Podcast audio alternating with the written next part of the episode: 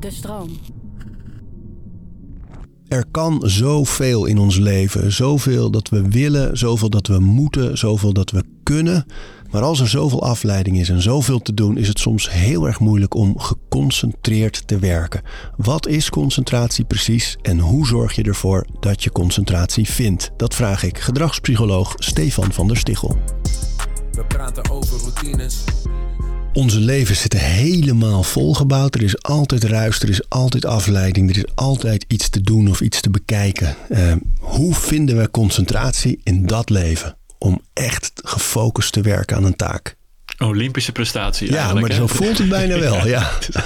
ja, maar dat is ook zo. Als je realiseert even wat de randvoorwaarden zijn voor concentratie. Kijk, wat is concentratie? Misschien is het goed om daarmee te beginnen eigenlijk. Wat is het nou eigenlijk? Nou, je concentratie is je aandacht langere tijd op iets richten. Nou, aandacht is een filter. Je kunt je aandacht maar op één ding tegelijkertijd richten. En concentratie is dus dat, dat aandachtsfilter langere tijd op iets richten. Het kan iets in de buitenwereld zijn. Oh, je luistert naar iemand of je bent postkant aan het luisteren. Of in de binnenwereld.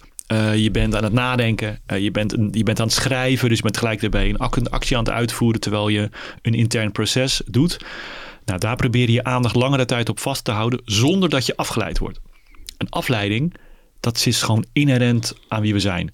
Want we moeten veilig zijn, dus de wereld om ons heen moet in de gaten gehouden worden. Als je ineens voor iemand staat, dan schrikt hij zich helemaal de plaats. Want je denkt, ah, ik, dit is gevaar. Ik had dit op moeten merken, maar ik moet in een vliegstand komen, vluchtstand.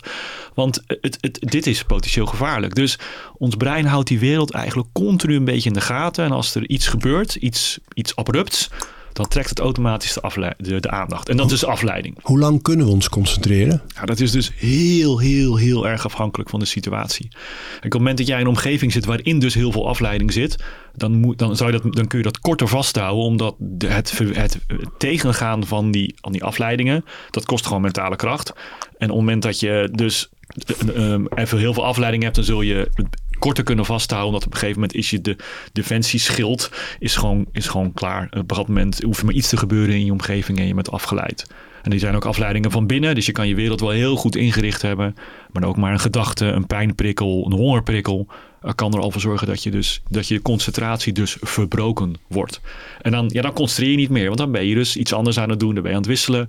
En dan uh, is je concentratie verbroken. Dus concentratie is al echt een Olympische prestatie om dat voor elkaar te krijgen. Maar in een ideale omgeving, hè, waar we misschien straks aan, uh, over kunnen praten over hoe je die min of meer bouwt. Van wat zijn de omstandigheden die zorgen voor goede concentratie. Maar stel dat die omstandigheden goed zijn. Ja. Hoe lang houden we het dan vol? Ja, dus daar is geen concreet getal aan te geven. Er zijn wel eens mensen die er uitspraken over doen. Ja. Uh, maar elk brein is anders. Elke taak is anders en elk moment van de dag is anders. Um, dus een taak die je uitvoert na een drukke dag, dus kun je minder goed concentreren dan op het moment dat je um, nog fris bent in je hoofd. Uh, de ene persoon kan zich van nature gewoon beter concentreren dan de andere. We hebben ze allemaal nodig in deze samenleving. Die neurodiversiteit is iets wat ik hoog in het vaandel heb staan als een belangrijk thema. Uh, maar dat betekent dat je dus niet daar, daar geen getal op kunt. Stel, we zeggen nu tegen de luisteraar: Oké, dit is een podcast. En als je die, als je die afluistert, stel je een vraag. Je stelt het goede antwoord, zend je in. Dan krijg je 5000 euro van ons. Is niet zo, luisteraar, maar stel. Nou, de concentratie van iedereen gaat, gaat maximaal omhoog. En dan, dan kun je het lang volhouden. Um, terwijl als je misschien wat minder motivatie hebt, dan, dan mis je misschien iets van wat jij of ik nu gezegd heb. En is dat veel minder belangrijk. Dus de omstandigheden bepalen heel erg hoe lang iemand zich kan concentreren. Er is dus niet een getal op te plakken. Is het wel te trainen? Ja, het is absoluut te trainen. Het is een van de weinige functies die daadwerkelijk in het brein goed te trainen zijn. Um, uh, de, dus wat dat betreft als je een tijd niet geconcentreerd hebt en je denkt ik ben het kwijt, is het goed nieuws. het is daadwerkelijk wel weer terug te krijgen. Wat dat betreft is concentratie toch een spier. Um, ook als je een tijd lang niet geconcentreerd hebt, kan het daarna wel weer. Ik was bij, te gast bij de luchtverkeersleiding. Uh, misschien de moeilijkste concentratiebaan van Nederland. Uh, en ik vroeg aan hen, wat doen jullie met mensen na een vakantie? En ze zeiden, ja, we zetten we op een makkelijke dienst. Weet je, dus mensen moeten weer even inkomen. Wow. En, ook, uh, en ook artsen eh, die een vakantie hebben gehad, beginnen niet direct met een hele ingewikkelde klus, s ochtends, uh, op het moment dat ze, dat ze terugkomen. Maar terwijl je zou denken, uitgerust, ja. hyperfocus. Ja, rust is heel goed. Dus het is, uiteindelijk is het goed goed. Je kunt niet de hele, je kunt niet de hele jaar in topvorm zijn uh, op het moment dat je een topsporter bent. Er zullen periodes van rust in moeten zitten. Maar dat moet je dan wel weer opbouwen. Nou, de situatie van um, je hebt een grote taak voor je liggen. Uh, dat kan zijn, je wil aan een boek werken. Je moet een hele belangrijke mail opstellen. Een sollicitatiebrief, een presentatie op je werk. Een paper voor je opleiding. noem maar op. We noemen het even de taak, de taak in ons gesprek. Ja. Ik kom uit zo'n dag afspraken, uh, muziek, uh, Netflix, YouTube, Instagram, uh, verkeer, stress misschien, blijdschap, verliefdheid, wat dan ook. en ik moet vanmiddag aan die taak gaan werken. Ja. Hoe zorg ik ervoor dat ik dat goed kan? Nou, in eerste instantie is het dan goed dat je een tijd hebt gedefinieerd. Jij noemt vanmiddag en dan zou je best met jezelf kunnen zeggen van, van tevoren als je zo over je dag na gaat denken, s ochtends, oké, ik heb één belangrijk ding vandaag, dat doe ik om twee uur dat is al een belangrijk moment. Er zijn veel mensen zeggen van nou, ik doe het het liefst zo vroeg in de ochtend. Ja, ja. Is, is wat voor te zeggen, maar stel je bent geen ochtendmens, dan is dat niet zo. Mijn creatieve, creatieve piek ligt in de avond, dat weet ik. Dus ik heb soms wel eens het idee dat ik de hele dag bezig ben met puinruimen om ervoor te zorgen dat ik me s'avonds kan concentreren. ben je niet uh, op, moe? Nee, overprikkeld. Nee, nee, s'avonds vind ik dat, dat, is, dat vind ik eerlijk. De, de invallende duisternis, uh, kids op bed. Um, ja, dat alles is achter de rug dan kan ik goed creatief zijn. Als er nog van alles losse dingetjes in mijn hoofd zijn, van allemaal kleine dingetjes die, niet, die nog moeten gebeuren, die moeten bij mij eerst weg. En wat is dan het verschil tussen die dynamiek in de avond en bijvoorbeeld de ochtend voordat iedereen uit bed komt? Voor mij uh, bevat een, dit is persoonlijk hoor, maar voor mij bevat een dag taken. En die, als die in mijn hoofd zitten, dan uh, remt dat mij in mijn concentratie. Dus ik wil eigenlijk, dat noem ik het puinruimen, ik wil eerst die dingetjes die nu eenmaal bij een dag horen, die wil ik afgerond hebben. En er zijn mensen die dat niet herkennen die zijn die uh, met het einde van de dag willen ze lekker ont, uh, willen ze heel fijn ontspannen. Uh, die zijn, dat, dat zijn ochtendmensen. Dus de, de, de, balans ligt bij iedereen anders. Maar het begint dus bij de taak. Kijk waar in de dag het voor jou ideaal is. Gegeven wie je bent. Gegeven hoe de rest van je dag kun, kan gaan lopen. dus plan hem in. Dan heb je de taak en dan moet wat is de belangrijkste factor voor concentratie? Dat noemde ik eigenlijk al net al met dat 5000 euro voorbeeld, is je motivatie. Heb je er zin in? Vind je het leuk? Uh, want motivatie is de toppredictor van bepalen of uh, je je goed kan concentreren of niet. Als je iets heel erg leuk vindt, je zit helemaal in je, in je flow, dan gaat het makkelijk zijn. Maar helaas is dat niet altijd voor iedereen zo. Voor elke mail die je op wil stellen. Niet dat dat is waar je, yes, ik mag die mail op gaan stellen. Maar misschien. Paper schrijven voor school. Ja. Maar toch is het belangrijk om op het moment dat je dat inplant, om te realiseren, uh, wat is mijn motivatie eigenlijk? Waarom doe ik dit? En die kan direct zijn. Dat je echt direct, uh, ik vind het gaaf om te doen, moment hebt. Maar dat kan dus ook indirect langer termijn zijn. En oké, als ik dit nu goed doe, dan kan ik misschien later, is dit het puntje op de horizon waar ik naartoe werk. Dus zelfs de, de meest stomme taak kan met de goede motivatie dan toch enigszins wat leuker worden. Uh, dus dat is motivatie. En als je dus moeite hebt met concentreren omdat je je niet kunt motiveren voor je taak, is dat wel een belangrijk signaal. Over oké, waar ben ik eigenlijk mee bezig? Als ik me, eh, heb ik plezier in wat ik doe? Uh, want moeite met concentreren kan ook, een, een, kan ook komen door gewoon gebrek aan motivatie voor wat je doet. En nou, dat is misschien een intern proces, een wat langer proces, maar waar je ook over na kunt denken van, hé, als ik mezelf nou nooit ergens voor op kan laden om dit te doen, uh, ligt hier mijn passie wel. Oké, dus nou, laten we vanuit gaan. Daarom heb ik veel mensen volgens mij foto's van vakanties en kinderen op hun bureau staan. Want ja, dat is uiteindelijk dan toch, die, die vakantie is voor mij, is voor sommige mensen gewoon de motivatie. Als ik dit 364 per dag, het jaar doe, mag een dagje op vakantie. Nou, ik hoop dat motivatie uh, ook gewoon uit de lol die je uit je werk of uit je studie haalt. Uh, maar motivatie is een hele belangrijke factor. Deze aflevering van Overroutines wordt aangeboden door Squarespace. Een alles-in-één platform waar je je eigen website kunt bouwen en beheren. Het maakt niet uit of je producten, diensten of je passie met de wereld wil delen. Het kan allemaal bij Squarespace. Ik noem even kort drie handige functies van het platform. Met het ontwerpsysteem kan je makkelijk je website vormgeven en het helemaal eigen maken. Squarespace analyseert hoe je website presteert en wat er voor nodig is om je bedrijf online verder te laten groeien. En ook kan je abonnementen en exclusieve content aanbieden aan betalende leden. Start nu je gratis proefperiode via squarespace.com/overroutines. En ben je klaar om je website echt te lanceren? Gebruik dan de code overroutines. Dan krijg je 10% korting op je eerste aankoop van een website of domein. Dus we hebben het tijdstip van de dag dat je echt bepaalt, dan ga ik eraan zitten. Ja. We hebben de motivatie. Waarom doe ik dit? En wil ik het eigenlijk lekker graag? Uh, dat kan helpen. Maar uh, ik weet dat jij, haal ik vaak uit jouw boeken, uh, aandachtsritueel. Dus Ja. dat, dat je, en, en ik gebruik het ook veel. Zo, zowel bij trainen, hè, het, het fietsen naar een gym toe. Of voor sommige mensen een pre-workout door een glas heen roeren. Je schoenen aandoen, een wandelingetje maken. En dan aan mijn thuiswerk gaan. Van, van die kleine rituelen die me klaarstomen voor zo'n taak. Dat, dat is een belangrijk fenomeen ook. Hè? Ja, als je je concentreert, dan moet je de taak in je werkgeheugen hebben. Het werkgeheugen kan maar één ding tegelijkertijd. Maar het werkgeheugen moet wel op de juiste manier ingericht zijn. Dus je moet zorgen dat de rest van je hoofd zoveel mogelijk leeg is. En daarom is de Olympische prestatie, vind ik altijd wel een mooie analogie. Omdat dan zie je ook dat, dat in de uren daarvoor er een soort topfocus komt van hoe ga ik met rust hier naartoe werken. En dan mensen, mensen hebben dan inderdaad rituelen. En dat, die rituelen zijn dus taken die dus geen beroep doen op dat werkgeheugen. En die je in staat stellen om het werkgeheugen leeg te maken. En dus als het ware opgeruim, op te ruimen voor de taak die eraan komt. Als je heel snel wisselt tussen taken, dan maak je veel meer fouten. En dan ben je ook veel langer met je taak bezig. Ehm, en dat komt er ook door omdat dan het werkgeheugen niet goed is ingericht. Dus dat is dat multitasken waar mensen wel eens over hebben. Dus dat heel snel wisselen tussen taken. Eh, dat zorgt voor een minder goede prestatie en voor heel veel vermoeidheid. Dus idealiter is dat werkgeheugen met één ding bezig. En is het ook perfect ingericht daarvoor. En dat is waarom mensen als ze thuiswerken, de, inderdaad de tip is om toch eerst 's ochtends even een korte reistijd te creëren. Een reistijd heeft functie. En dan stel je in staat om je hoofd alvast klaar te maken voor eh, de taak die eraan komt. Ik heb voor jou een mooi filmpje gezien, dat vond ik een heel mooi voorbeeld. Je hebt volgens mij een moment op de weg Ja. waarin je besluit, nu maak ik de switch van... Ik mag nu nog over mijn werk nadenken, hoe werkt, en dan nu ga ik eh, Ja. daar niet meer over nadenken, toch? Ja, dat is bij ons.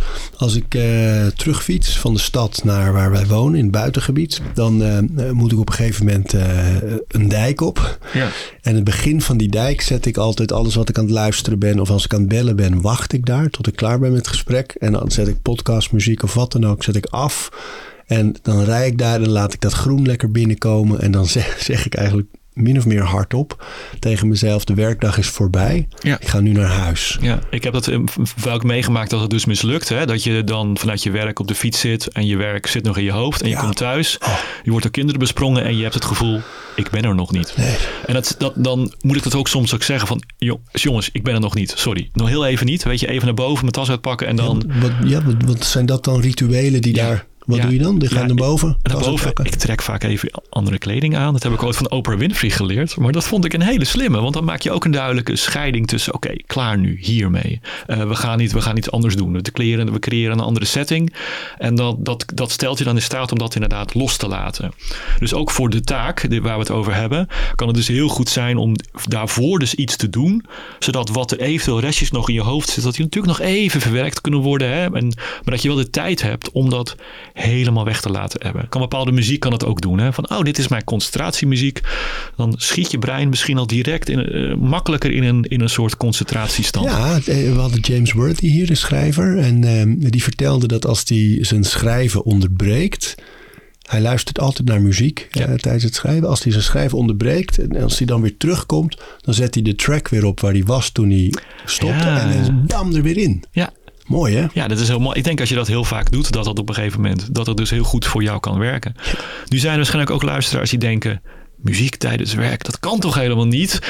Misschien heb je gelijk, elk brein is anders. Voor sommige mensen is muziek cruciaal tijdens werk. En is, het, eh, is er nog verschil tussen... eh, want ik kan bijvoorbeeld wel naar klassieke muziek luisteren als ik werk. Vind ik heerlijk zelfs. Ja.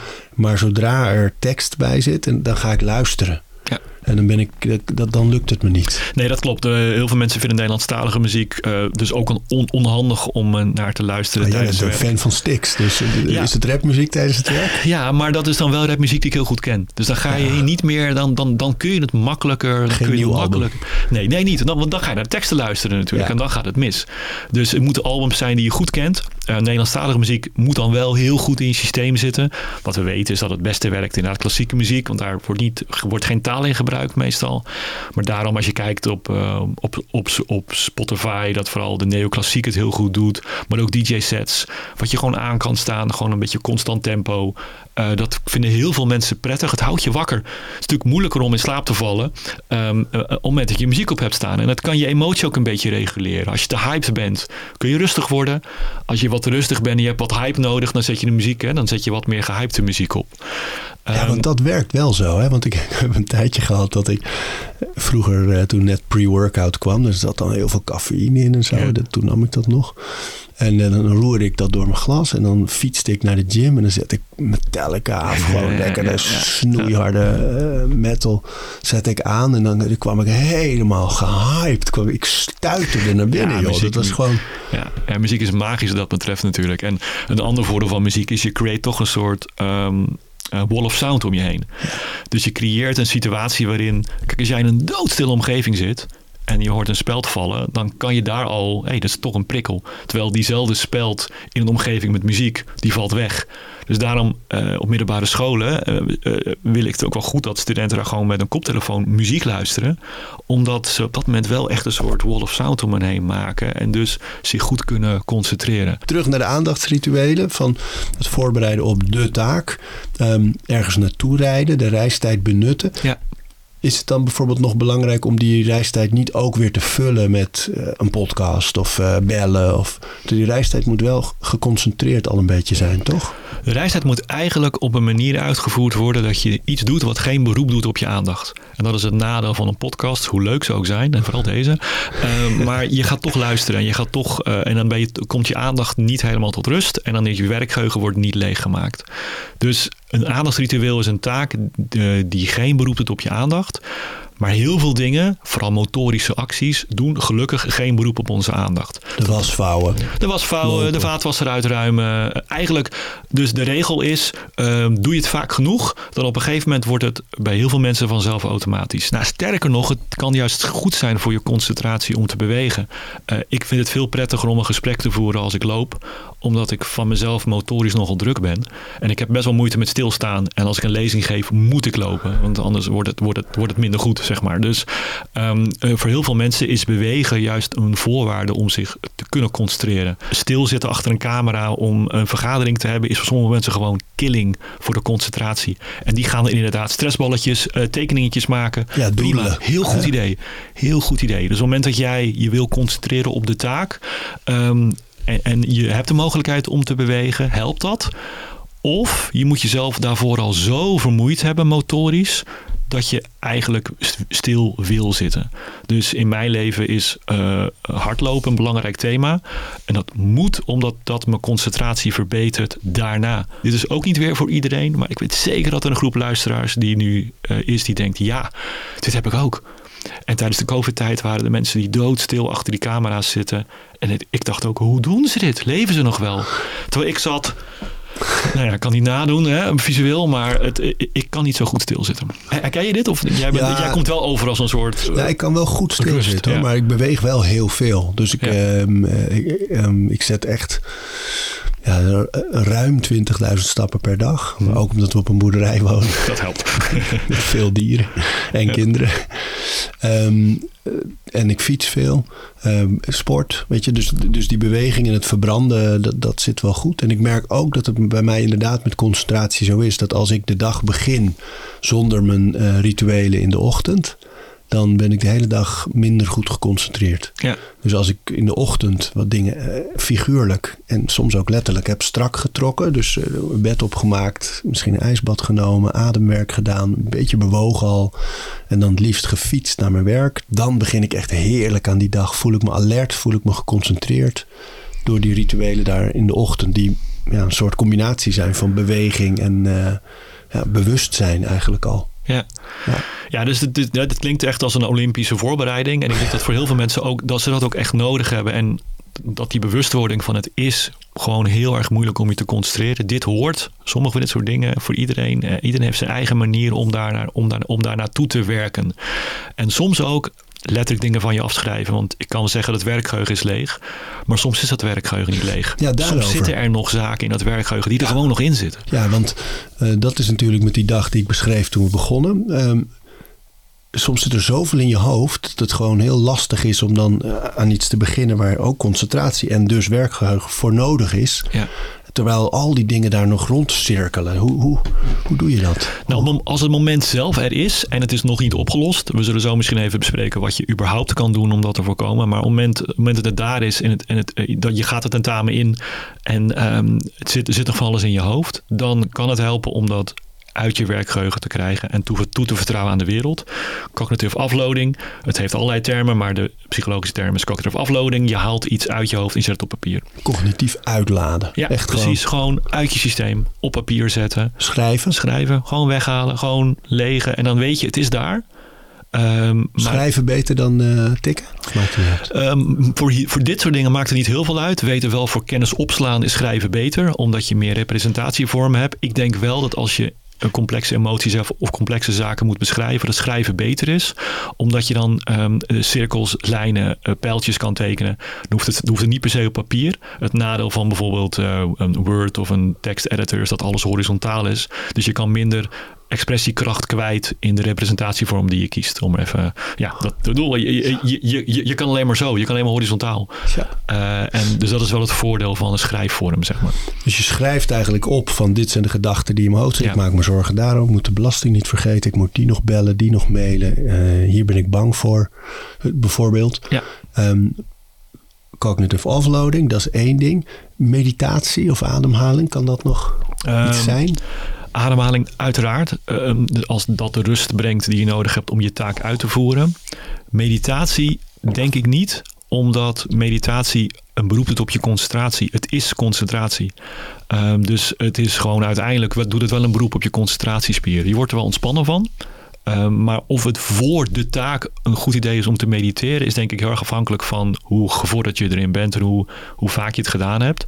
Uh, want uiteindelijk is het niet hetzelfde als een pauze. Dus het is goed voor je concentratie als training, langere termijn. Maar om uh, dit te gaan doen een langere tijd te mediteren voordat je aan de taak begint, is, is voor mensen die daar niet heel geavanceerd in zijn, denk ik niet een goed idee. Uh, ontspanning wel. Een middagdutje?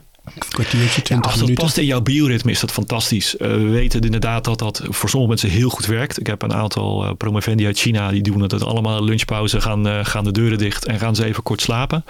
Um, zij hebben daar heel veel baat bij. Maar ze hebben dat een hele leven al gedaan. En ik denk dat dat in onze samenleving is niet, dat we zijn het niet gewend. Hè. Op, scholen wordt het, op, school, op, op school is het afgeleerd. Uh, en dus het, je kan het vast weer inbouwen. Uh, maar je, je, het is niet iets wat nu iedereen massaal moet gaan doen. Omdat het, dat het niet past in je bioritme. Ja, en het belangrijkste is de balans die je hebt in zo'n dag. Hè. Jij, jij, beschreef de dag al. Toen dacht ik, oeh, uh, zitten daar wel genoeg momenten in waarin dat brein even niets actiefs gedaan heeft, dat die aandacht daadwerkelijk tot rust is gekomen. En dat gaat uiteindelijk bepalen, als stel dat die taak aan het einde van de dag zit, uh, dat die inrichting van de rest van de dag, dat het belangrijk is om na te denken over waar zitten de momenten dat ik geen actieve taak uitvoer. Iets doet dat geen beroep doet op mijn aandacht. En even dat dagdromen inzet. Want dat dagdromen heb je nodig op een dag om die balans tussen concentratie en rust uh, goed te houden. En dan nog de omgeving. Hè? Van dat je hoort dan soms dat mensen, schrijvers bijvoorbeeld, het heerlijk vinden om een deel van hun boek te schrijven in, uh, in cafés of in uh, eigenlijk drukke omgevingen. Of, ja. um, of dat studenten zeggen, ja, ik ga in de, in de biep zitten. Ja. Het is lekker stil, het wordt niet gestoord. Um, het, hoe belangrijk is die omgeving voor de taak? Die is cruciaal. Um, en ik, eh, bijvoorbeeld studeren geeft een mooi voorbeeld. Zien studeren doet studeren. Het motiveert. Dus dat, dat, dat, dat stukje motivatie zit heel erg in. Kijk, iedereen zit hier te leren. Dus de omgeving is helemaal perfect ingericht. De omgeving kan je inspireren over hier doe ik het voor om je te, om je te motiveren. En net zoals in een drukke, een drukke omgeving, waar dus, waar dus een soort achtergrondruis is die je heel goed kunt wegfilteren, zoals muziek. Hè. Daarom vinden veel mensen het prettig om in een kroeg te werken. Ja, je ziet mensen, er is beweging. Op het moment dat je even opkijkt kijkt, is een mooie omgeving. Uh, dat kan heel erg helpen om, om ertoe te komen. En als dat jouw eigen kamer is, dan is dat ook prima. Maar iedereen heeft denk ik wel zijn plek waar die naartoe wil op het moment dat hij zich wil concentreren. En in die eigen kamers, hè, hoe belangrijk is het dan dat, uh, dat je bureau is opgeruimd of dat, dat je nog tussen de tafels, uh, de stapels zit? Maakt helemaal niet uit. Nee? Maakt helemaal niet uit. Nee, wat jij prettig vindt. Kijk, de, mensen zeggen ja, dat leidt af. Nee, dat leidt niet af. Want wat afleidt zijn nieuwe prikkels. Mensen die binnenkomen, geluiden die verschijnen. Maar een grote stapel met boeken leidt niet af. Behalve als je het vervelend vindt. Maar stel dat het papieren zijn van uh, dingen die nog behandeld moeten worden. Ja, oké. Okay, op het moment dat het dus vervelende dingen zijn die dingen triggeren. Blauwe enveloppen, grote stapels. Ja, maar goed. Maar als jij je omringt met encyclopedie-series uit de jaren zeventig, is dat helemaal prima. Dus het, het, gaat er wel om van wat triggert het bij jou? Ja. En is het een, en is het een, en het is het een nieuwe te zijn. Nee, Helemaal kaal en leeg en schoon. Nee, dat, dat is enorm. Dat, zo'n grappige misverstand die ik, ik mag wel eens op in kantoortuinen bij design meekijken van hoe het ontworpen is. En dan uh, zei iemand: Ja, dit is de stilteruimte en die is helemaal leeg. Het is allemaal van glas, dus er is niks wat je af kan leiden. Toen dacht ik, ja, nee, dat is niet handig. Want als er iemand opstaat, dan dus de universiteitsbibliotheek gaan mensen ook vaak achter boekenkasten zitten. Je wil juist een omgeving met veel groen en veel planten en veel, veel boeken, uh, zodat er gewoon weinig afleidingen zijn. Dus, dus juist een steriele omgeving, um, ja, dat kan voor heel veel afleiding zorgen. Want als er heel veel mensen langs dat glas lopen, ik kom wel eens een schoolgebouw en dan zijn al die klaslokalen van glas. Dan denk ik, nee, zet boekenkasten hier neer, want dat glas gaat Vanwege het open karakter. Dat, ja, maar dat gaat ja, maar dat gaat enorm afleiden. Er gaan heel veel prikkels in die omgeving zijn die dan toch weer voor die afleiding zorgen. Dus zo'n design hoeft van mij niet steriel te zijn. Uh, om met je lekker achter je boeken kan verschuilen, is dat prima. Oh, ja, man.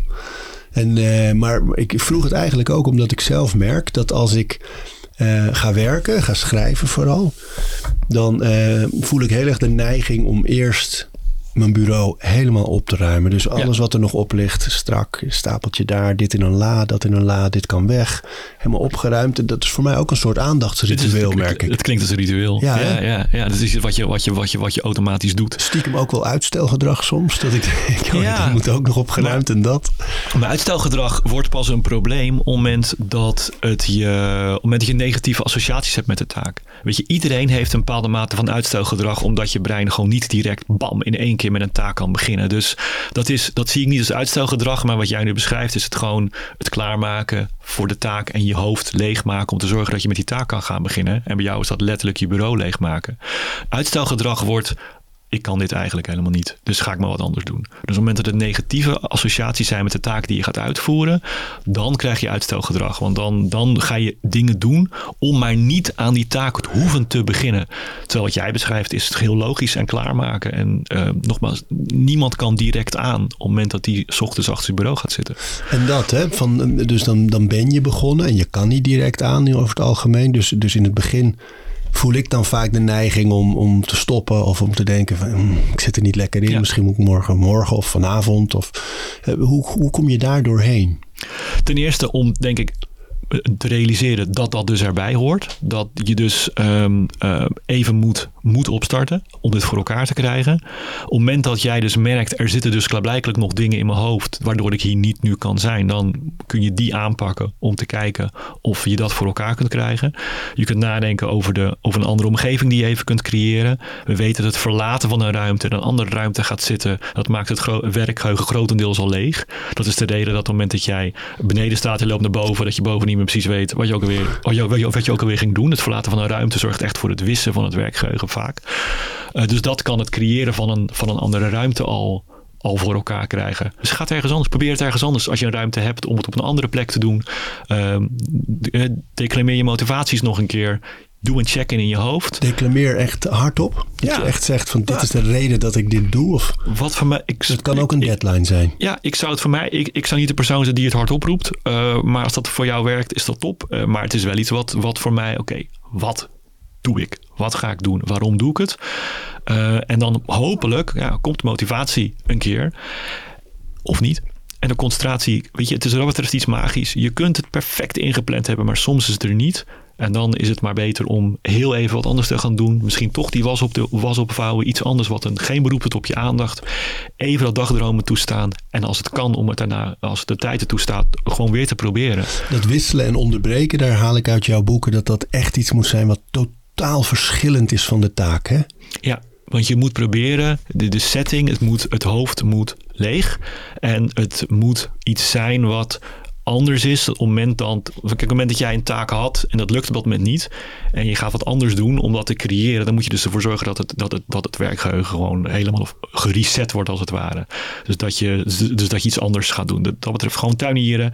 Um, even uit die setting. Om ervoor te zorgen dat dat werkgeheugen, die werkbank die het werkgeheugen is. Dat die eigenlijk daarna al helemaal opnieuw ingericht kan worden. En iets anders doen is dan niet uh, e-mail checken, uh, Instagram scrollen, Netflix kijken. Nee. Nee, nee, dat is proberen iets te doen wat toch weer een beroep doet uh, op, op, dat default netwerk. Misschien goed om dat even te bespreken wat er dan precies in je brein gebeurt op het moment dat je daadwerkelijk iets, iets doet wat geen beroep doet op je aandacht. Is het brein heeft grofweg twee standen. Je kan of geconcentreerd zijn of je kan uh, niet geconcentreerd zijn. En op het moment dat je dus niets doet, dat dagdromen, dan uh, komt er een bepaald hersennetwerk, hersennetwerk actief. En dat noemen we het default netwerk. Een soort standaard netwerk eigenlijk als default netwerk. En dat zijn andere breingebieden dan de breingebieden betrokken bij de concentratie. En dat betekent dus op het moment dat jij in je default netwerk zit, dat je concentratienetwerk eigenlijk in staat is om zich weer op te laden. Want je doet er geen beroep op. En dat betekent dat op het moment dat jij gaat Instagrammen of dat soort dingen, dan kom je niet in het default netwerk terecht. En dan stelt dat concentratienetwerk dus zich niet in staat om zich weer te herstellen en weer op te bouwen. Dus je moet er echt even uit. En dan um, afvalstoffen worden erop geruimd. Er zijn nu pas recent wat studies die hebben laten zien wat er dan eigenlijk gebeurt. Hè. Op het moment dat je geen actief beroep doet op je aandacht, op een bepaald hersengebied, dan komt dat dus omdat er gewoon bepaalde afvalstoffen af worden gevoerd. En dat dus de neuronen, het hele uh, neurologische systeem zich weer... Dat kan niet oneindig belast worden. Het is een biologisch systeem, maar op een gegeven moment is dat moe. Nou, we snappen nu langzamerhand wat het betekent als een zo'n systeem, systeem biologisch moe is. Um, maar dat moet zich weer herstellen. Dat kan zich ook herstellen. En dat is dus wat er gebeurt tijdens dat dagdromen. Dus ik voel nu, als ik aan dagdromen ben...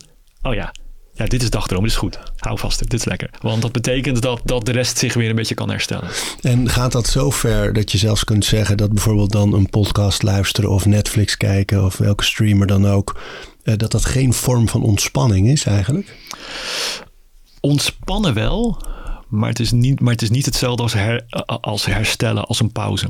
Want een boek lezen kan ook ontspannen zijn, maar dat is niet hetzelfde als een pauze. Want dan doe je een beroep. Dat is hetzelfde ook met dat, met dat meditatie. Het is ontspannen, maar het is niet een herstelmechanisme voor je concentratie en je aandacht. Dus je kunt niet de hele dag vullen met allemaal dat soort taken. Hoe ontspannend het misschien ook is, op een gegeven moment uh, lukt dat allemaal niet meer, omdat die balans dan niet meer in orde is.